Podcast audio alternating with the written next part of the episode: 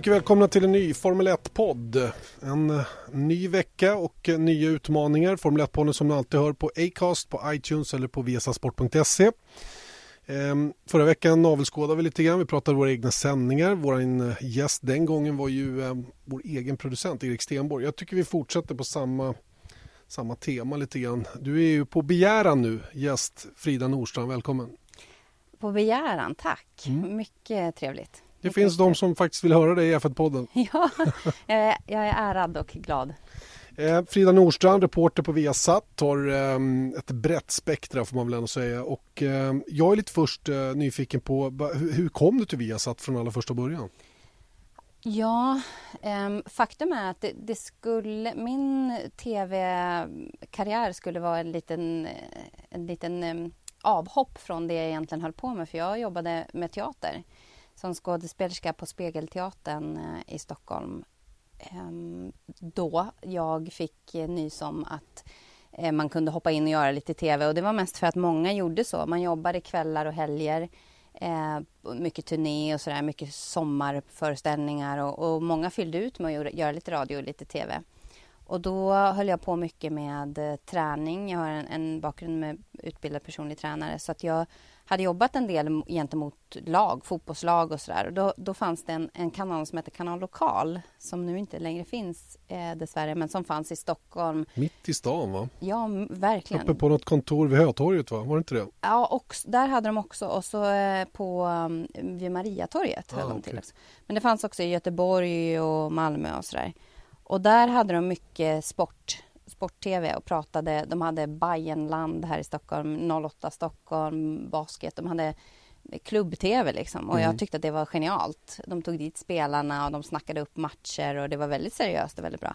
Och där fick jag vara med och prata lite skador och, och rehab till en början. Eh, gillade hela kanalgrejen. Det var väldigt hårdsatsande. Mycket folk som jobbade och och de sände otroligt mycket live-tv. Och då fick jag frågan om jag kunde vara med eh, mera och, och prata mer träning. Och, eh, När var det här i tid? Ah, ja, det måste ha varit eh, runt sådär 2009 började det på Viasat tror jag. Nej, det måste ha tidigare. 2009 gjorde jag min första ja, Det var din första F1-sändning. Så... så att då måste det ha varit 2000, här snackar vi då kanske 2006. Mm, mm. Och um, då gjorde jag lite sport-tv där och sen så frågade de om jag ville ha ett, vara med och ha, ha sån här, ett livesänt program som de hade varje vardags eftermiddag.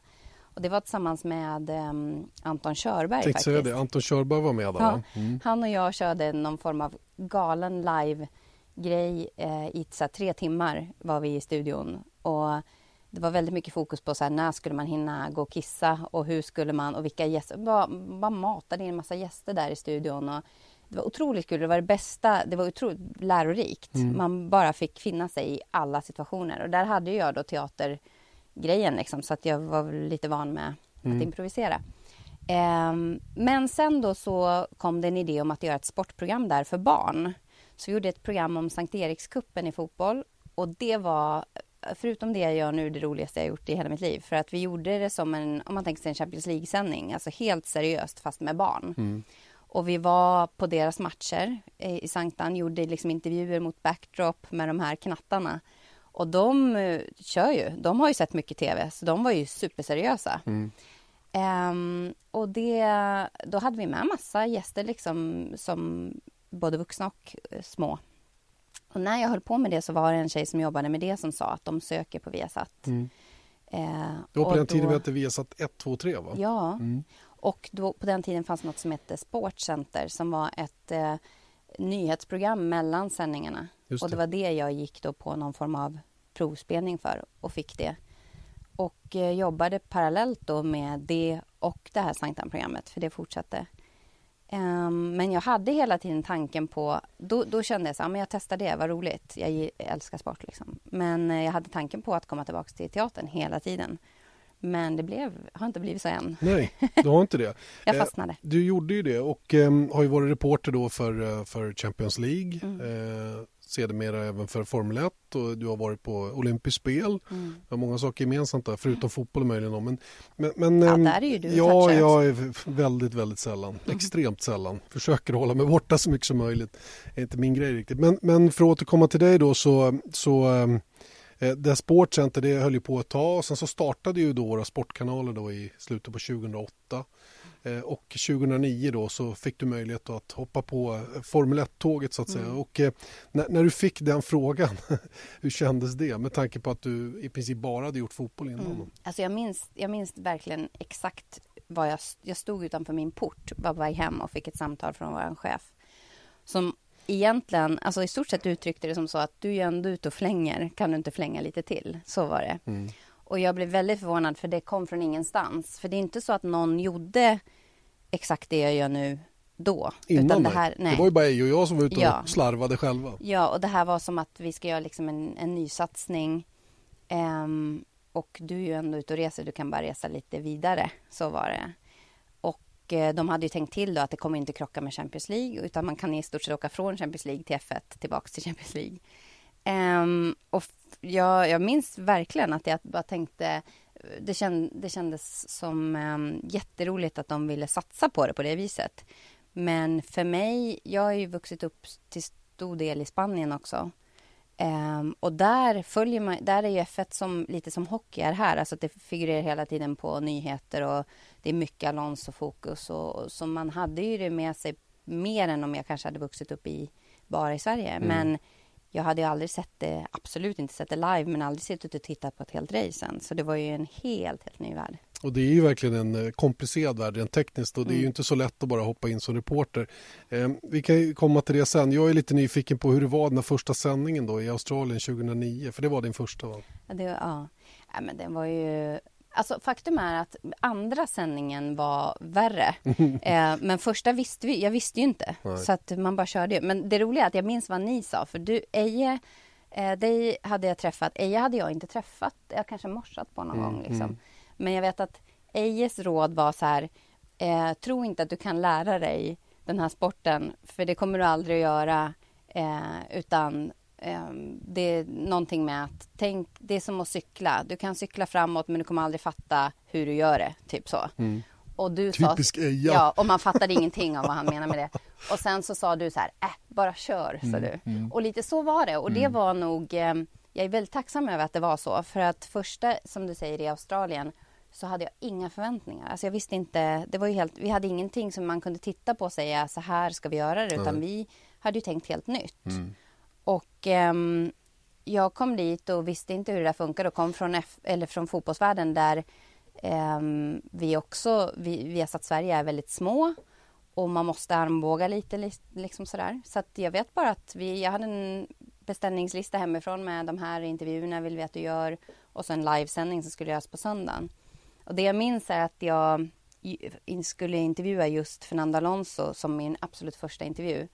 Och för han hade en, en tid då, då spansk tv skulle få intervjua honom och då tänkte jag är perfekt för jag pratar spanska. Mm. Så jag gick fram där och, och, när han kom så var det ingen som började. Så jag tänkte, vad väntar de på? Så jag började. Och det blev ett jäkla liv bland spanjorerna sen, för de har ju världens hierarki där. Mm, mm. Eh, och det blev så här, vem är det där? Och mm. nu kommer hon och, och, de kom fram och frågade sen, vad kommer du ifrån för tv? Och, men eh, det, är ju, det ligger lite i att har man för mycket respekt för det eller vet för mycket om det, då kanske man inte hade vågat på samma sätt. Precis. Nu det, körde man ju bara. Och, grejen är där, och det blir ju mitt, mitt läge. Mm. Det, men jag kan inte fråga det där. Mm. För det där, det där har de hört hundra gånger tidigare. Mm. Och du vet, man, man hamnar i ett annat läge för kunskapsnivån dig och mig emellan är ju annorlunda, så att mm. säga, ingången. Mm.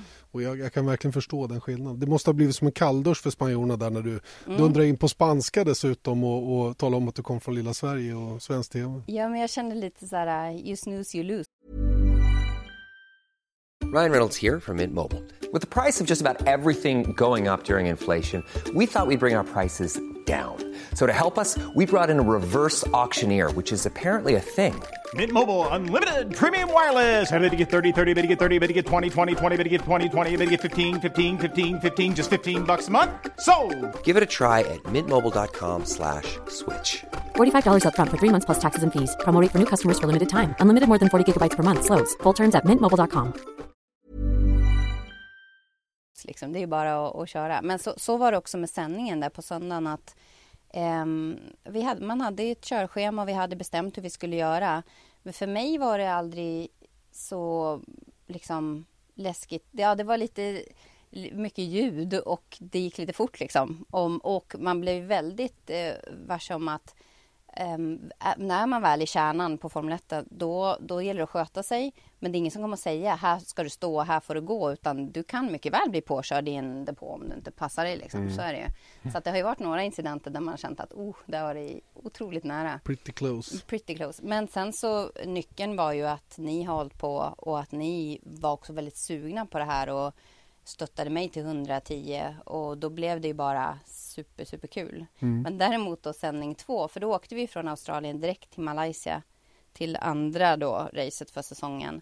Och där var det ju eh, där var det liksom en teknik som var otroligt eh, gammal och ingenting fungerade och det var bara kaos som vi inte kunde påverka. Jag ska säga det att i början när vi började 2009, det här var ju alltså när Viasat Motor var mm. ganska nytt. Premiärsändningen var i oktober 2008 och det här var som sagt en ny satsning och tekniken var si och så. Ja. Vi hade ju aldrig jobbat med det här när det gäller Formel 1, att upplänkar och livekameror och hela den biten mm. och det var jag menar medlyssningar och sådana grejer, det funkade ibland och ibland inte. I vissa länder ja, liksom ja. Och, och vi det var väldigt svårt för dem här hemma i Stockholm att påverka och mm. hjälpa till. Men mm. då, den sändningen var ju så här vi hörde inte, jag hörde inte dig.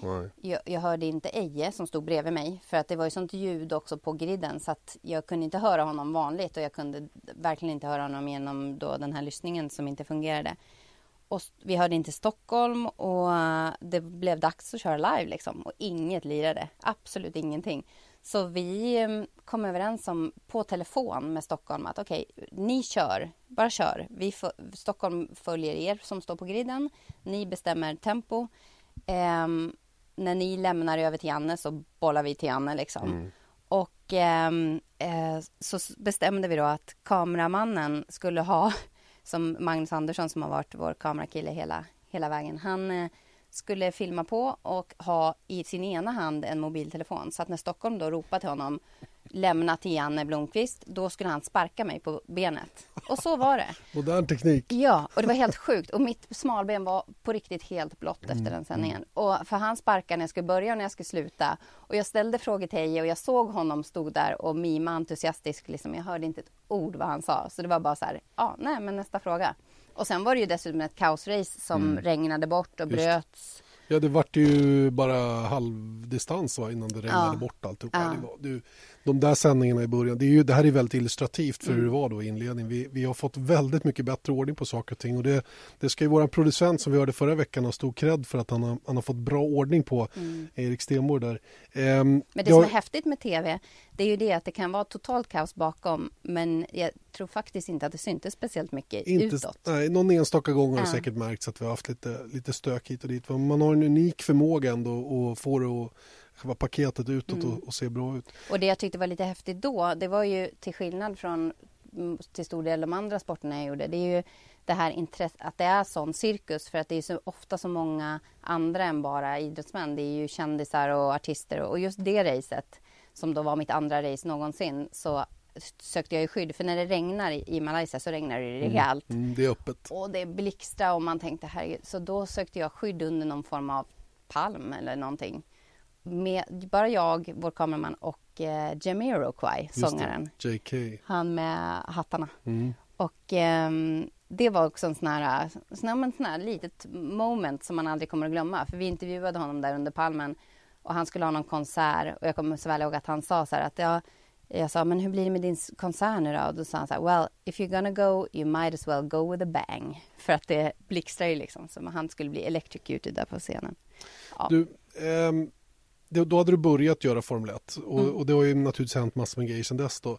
Um, hur, hur, är, hur, är, hur är skillnaden mellan att vara i en mixad zon på en Champions League-fight som det är ett stort fokus runt omkring och, och eh, en kvart innan start med förare som är superkoncentrerade innan de ska i bilarna? Ja, till att börja med så skulle vi säga att Formel 1 är ju... Fotbollen borde lära sig av Formel 1. För att man får stå på en grid och intervjua förare precis innan de sätter sig i bilarna är ju unikt och, och gör ju produkten liksom, gör ju tv-sändningarna fantastiska tycker jag. Mm.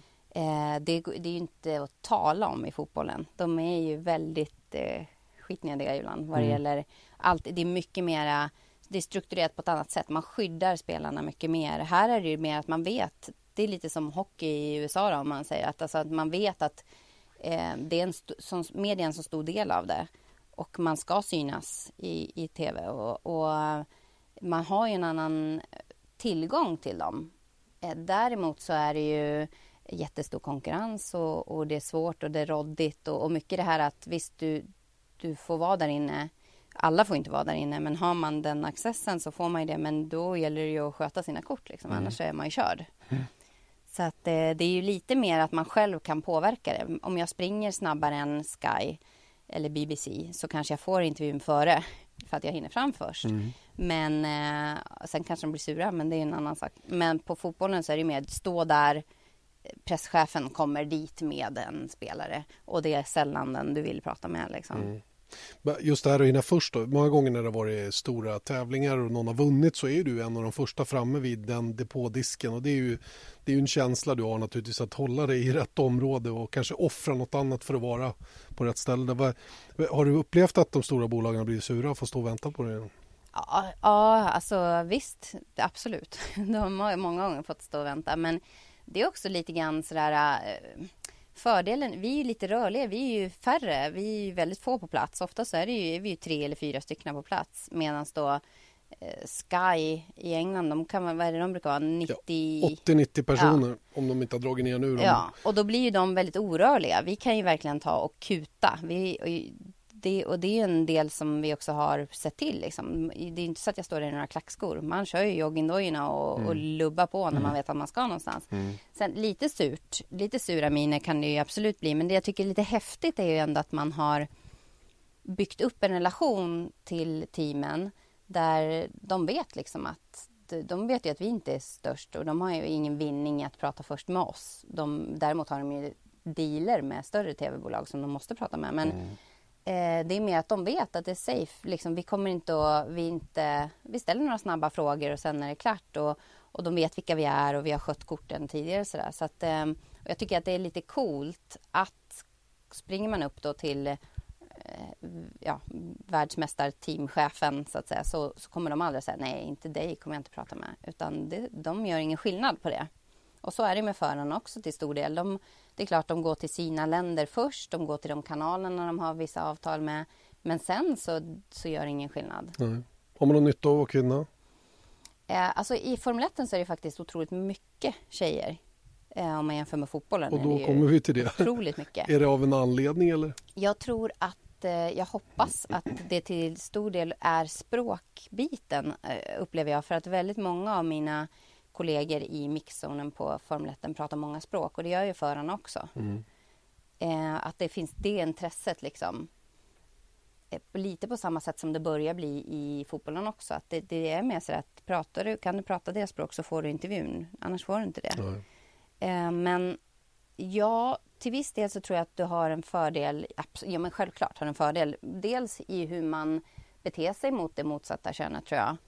Alltså, och sen också det här och det kanske jag upplevt ännu mer inom fotbollen för där är det ofta reportrar som är före detta spelare mm. och som vill ta ganska mycket plats och som eh, vill sätta dit spelarna lite mm. grann. Och så kan det vara till viss del också i Formel 1. Mm. Mm. Och där tror jag att de tycker att det är ganska avväpnande och skönt när det kommer någon som bara räcker fram en mick, ställer en fråga och de får prata. Mm. Och det har jag försökt. Man får väldigt mycket råd i den här branschen och väldigt mycket som kanske tjejer också gör si, gör så, var så här. Och, och där har jag försökt hålla benhårt på det här att det är inte jag. Det spelar ingen, det är ingen som vill se mig. De vill höra den jag ska intervjua. Så om jag kan få den att prata så mycket som möjligt så är det mitt... Jag, ska inte, jag kan inte stå där och försöka sätta dit en världsmästare i Formel 1. Det, liksom finns, det finns ingen logik i det alls.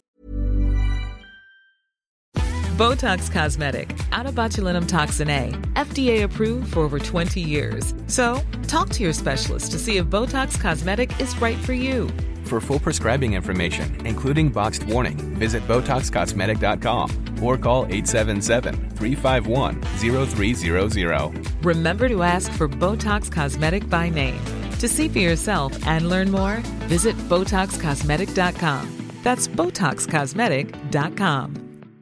Hey, I'm Ryan Reynolds. Recently, I asked Mint Mobile's legal team if big wireless companies are allowed to raise prices due to inflation. They said yes. And then when I asked if raising prices technically violates those onerous two year contracts, they said, What the f are you talking about, you insane Hollywood ass? So to recap, we're cutting the price of Mint Unlimited from $30 a month to just $15 a month. Give it a try at mintmobile.com slash switch. $45 upfront for three months plus taxes and fees. Promo rate for new customers for limited time. Unlimited more than 40 gigabytes per month. Slows. Full terms at mintmobile.com.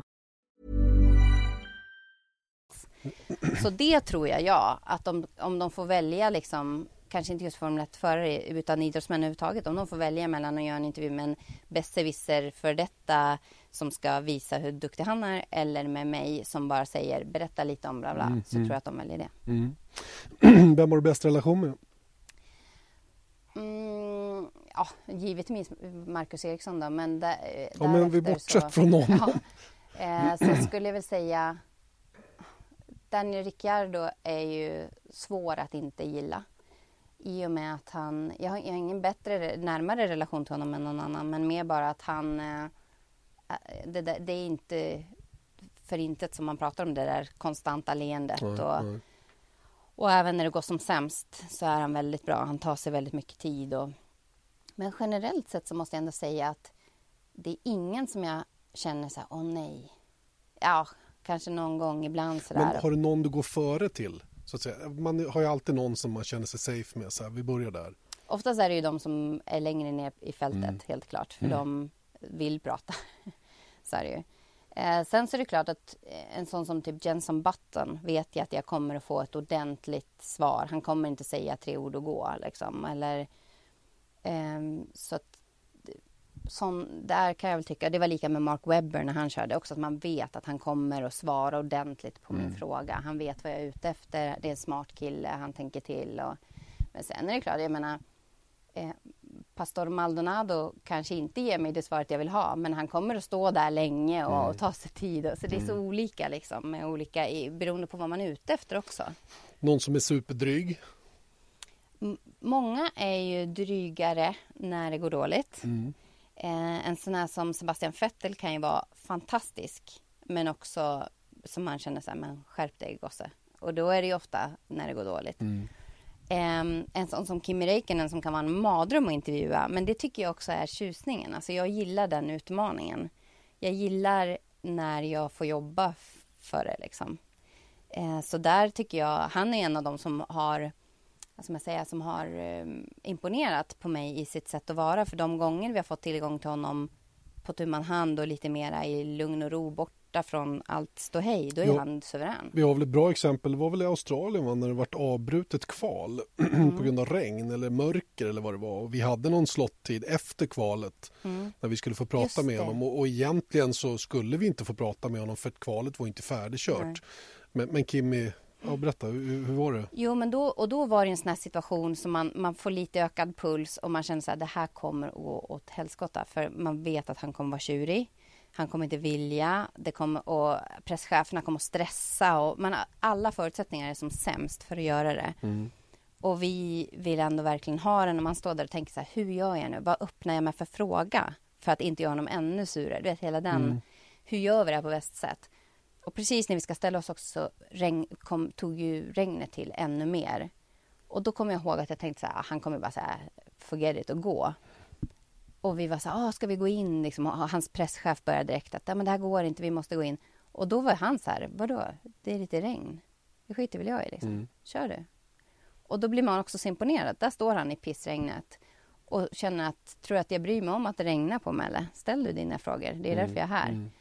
Och där tror jag också att det är lite stor del av mitt jobb som inte syns. Det är ju det här med att lirka och lurka. Liksom. Att försöka snicksnacka med dem lite innan, värma upp dem lite. Har man någon gemensam nämnare? Kan man skämta om någonting? Och allt det där blir lättare och lättare. När man har gjort intervjuer med dem flera gånger så vet de ju. Då behöver man knappt det där. Men att man, man går inte bara rakt på med en dryg fråga utan man, man försöker liksom få dem att öppna upp sig lite grann.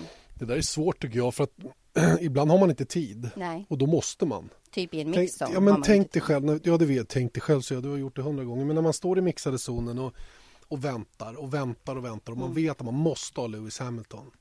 Man är femtonde på bollen Mm. och man har exakt samma fråga som de 14 innan. Det är inte kul. Och då är det svårt liksom att, att få dem att tända till Mm. på svaret. Där. Då får man göra så gott man kan. Men det är ju, det är ju en knepig situation helt klart. Mm. Eh, teamchefen har ju också mycket, eh, pratar ju ofta med dem. De är ju oftast mer lättillgängliga precis innan start och pratar gärna om sitt och sådär. Finns det några favoriter och, och icke-favoriter där? Christian Horner har ju alltid varit otroligt lätt. Mycket för också att han signalerar, det är hela teamet. Alltså Red Bull är ju väldigt öppna mot media på alla sätt. Och eh, han signalerar också det här med att eh, han, jag, jag finns tillgänglig. liksom. Så att när han går runt eh, på, på griden så går han egentligen stort sett runt för att finnas där för media också. Och det, många har ju precis tvärtom inställning. Bara hur de går signalerar stör mig inte, jag är på väg någonstans. Han är ju tvärtom. Så han har ju alltid varit jättebra med oss. Och där tror jag också, det är samma sak där. Vi, vi gör ju mycket runt omkring. Vi har gjort reportage med Red Bull och vi har varit och besökt dem på, i deras eh, fabrik och träffat honom ordentligt. Då får man ju en relation också där man, de vet vilka vi är. Så det handlar ju väldigt, väldigt mycket om relationer hela tiden. Men sen så gillar jag Arriva Bene nu jättemycket. Oj, vilken frisk fläkt tycker jag, om man ska vara aktuell. Just att han så här, eh, det är lite, om man ska jämföra med fotbollen, lite Mourinho, lite Zlatan-känsla i, i så här att bjuder alltid på något lite kul. Briatore skulle jag säga att han är. Ja, jo men Jag vet inte, hade du Flavio? Jo. Ja, han var med. Precis just i början ja. exakt. För, för, för Flavio har ju också haft den och de är ju italienare Ja. bägge två och det är lite där, de är väldigt manliga och kör sitt race där. Mm. Och också att han vet också vad man är ute efter. Han, eh, han bjuder på alltid på något säg, någon liten twist, något roligt. Det är inte bara, han drar inte bara en klyscha utan han, han säger något som blir lite kul liksom. Och utan att vara dryg. På, För Briatore kunde ändå vara lite dryg ibland. men Oj. men, eh, nej, men han, det tycker jag, han tycker jag är rolig. Och eh, en annan som jag upplever också är hyggligt lätt att jobba mot är ju Toto Wolf.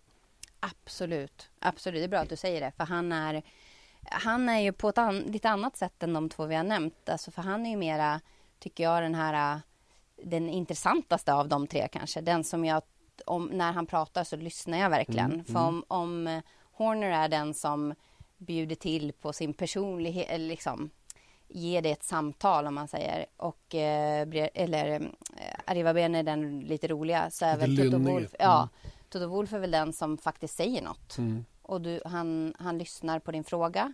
Han tittar, han lyssnar och så sen så svarar han ordentligt. Och det gillar jag. Det är många gånger som han har svarat och jag har tänkt så här, jaha, faktiskt. Liksom, ofta när man, typ när vi frågade om eh, Hamiltons kontrakt och så här. Man tänker att ah, det här kommer inte han att svara någonting på. Så gör han faktiskt det och bara, men vet du vad? Vi har tänkt så här och så blir det ett svar. Liksom. Fin- Finns det något team som man gärna inte går till? Ferrari har ju varit väldigt svåra att ha att göra med. De är hemska. Jättesvåra. Ehm, verkligen. Mycket, och det här är exakt samma sak i, i fotbollen, har att göra med vad de har för presschefer. Om de har presschefer som har inställningen att vi ska hjälpa till, självklart ska ni få, då går det ju mycket lättare. Eh, så att har de några drygskallar där så är det em, svårare. Och där har de faktiskt bytt till i år. Och Mm. den nya killen är ju hundra gånger bättre än det de har haft tidigare. Så och ändå inte helt bra. Nej, men absolut men bättre. det är en väldigt, väldigt stor skillnad ändå. Ja.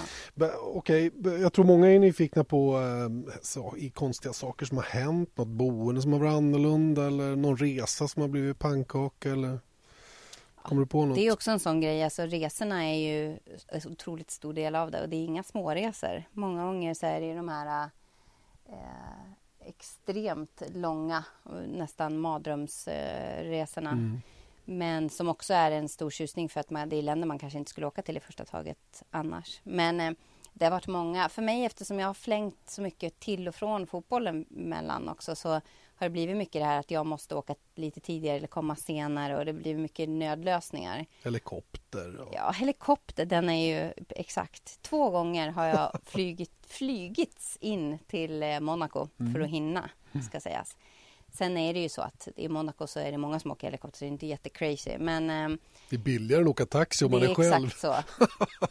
Säger väl Eh, allt om det där Men det ser flådigare ut än, än något annat. Men Mm. det, den största sån liksom crazy var väl när jag åkte från eh, Champions League-finalen på Wembley.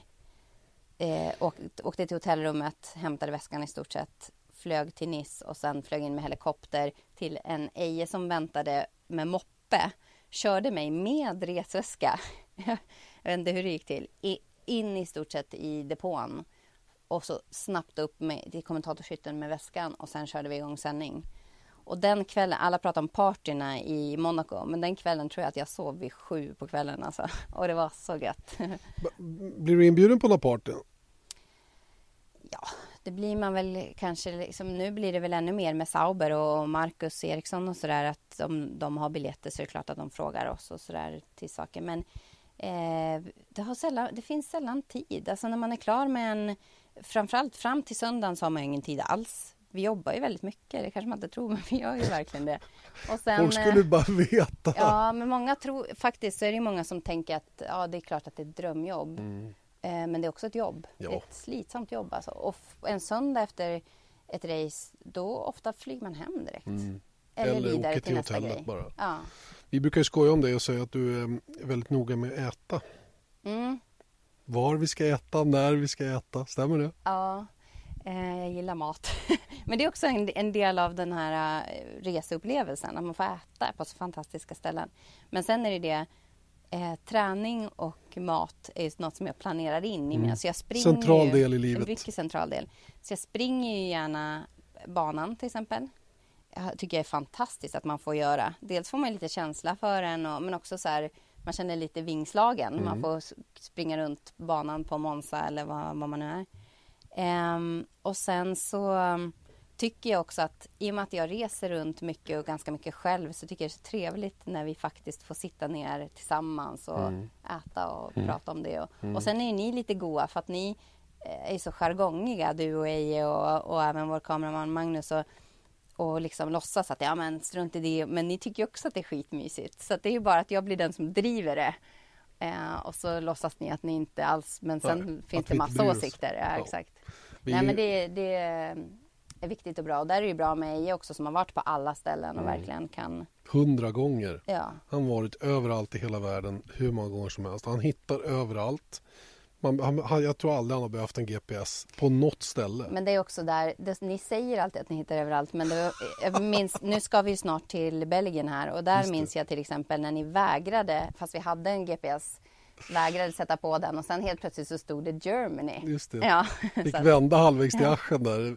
Ja, det blev fel. Det var ju pinsamt. Men eh, ja, ja, vi, vi, eh, vi håller huvudet högt i alla fall. Men, eh, men faktum är att Eje är ju enastående på att hitta överallt. Och han är en, en fenomenal person på det viset. Men han är också en vanlig person.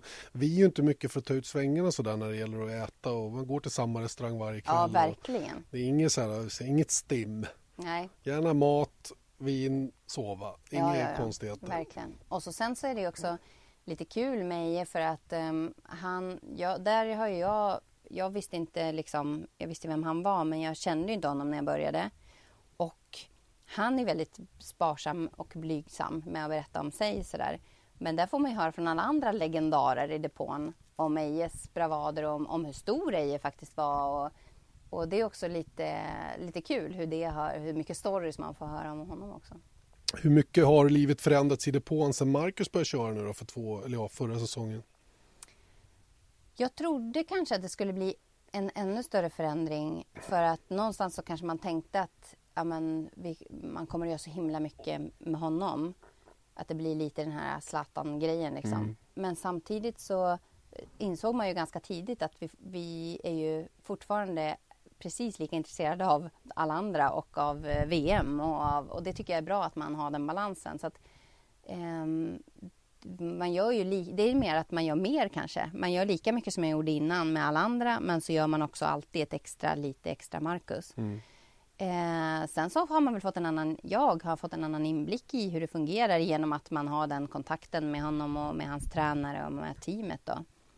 Eh, men jag tror att vi som, som du säger, vi, vi jobbar på och vi gör vår grej så att vi, vi tar inte ut svängarna så mycket. Så vi utnyttjar nog inte att vi har ett svenskt team eller vad man ska säga så som kanske spanjorerna gör med sina där de i stort sett Ja, de har ju avtal, precis som Ja. du har sagt. Jag vet ju att finsk tv har ju alltså ett betalavtal med både Bottas och Kimi Räikkönen. Ja. Och framförallt med Bottas tror jag. Jag vet inte hur det är med Kimi, men och det, det säger ju en del om hur man vill säkra upp att man Mm. alltid har sina gubbar. Och där har vi ju verkligen aldrig stött på några problem överhuvudtaget, tvärtom. Ja, och där tycker jag det är viktigt att påpeka just det att eh, vi är inte bara en liten kanal om man jämför med de andra kanalerna och ekonomiskt och, och så vidare och, och personal på plats och så, utan också det att att eh, det här med förtur på intervjuer och så, så är det ju så att många har ju avtal att vi ska få prata med den först. Och vi är ju, precis som vi är på fotbollen i stora sammanhang med Champions League och Premier League, så är vi ganska långt ner på stegen.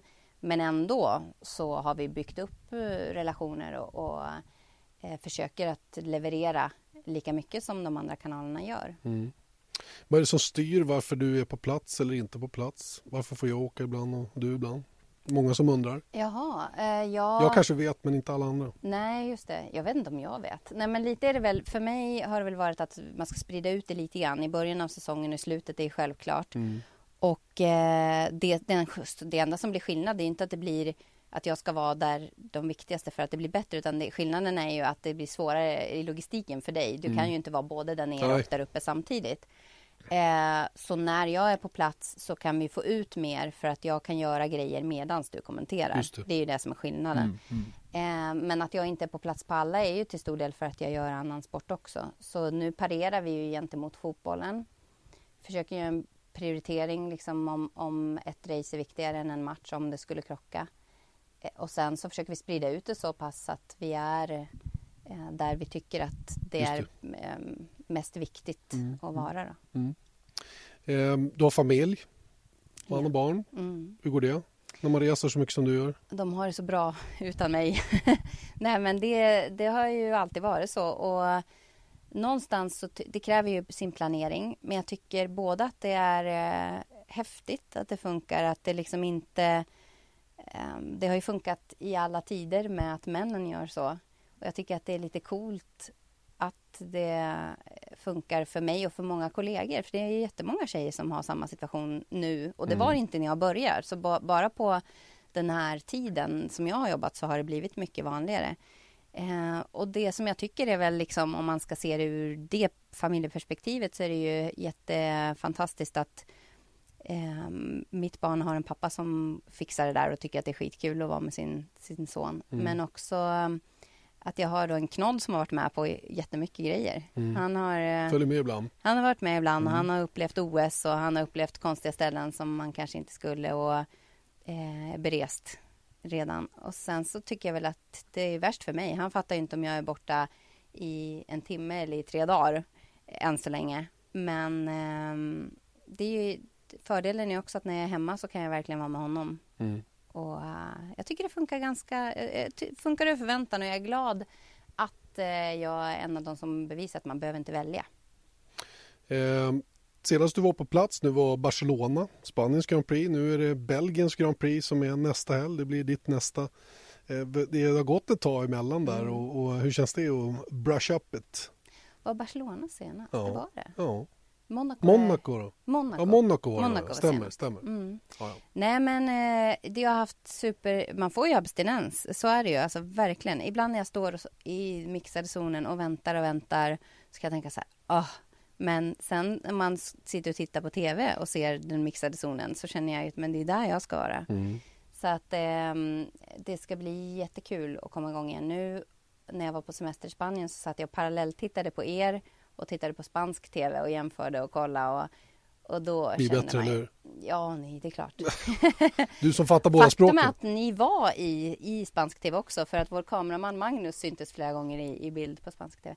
Men, eh, nej, men det, det kändes bara längtan och sug och sen så var det så himla kul eh, race senast Mm. i Ungern så då kände man att nej, men nu, Nu är det dags. nu är det dags. Då ser vi fram emot det om, eh, om en vecka. så är du på plats nere i, i Spa-Francorchamps. Vi får hoppas att Eje och de hittar till banan nu då så att ni slipper hamna i Tyskland. Ja, att jag kommer dit för jag åker direkt från eh, fotboll. Ja, så just att det det, blir det lite tajt med Just saker det. och ting. Men Oh, ja. Det ska säkert ordna sig. Jag, Ja. håller, jag är hemma och håller, eh, håller ställningarna. det känns tryggt. Tack snälla för att du var med i F1-podden. Ja, tack snälla.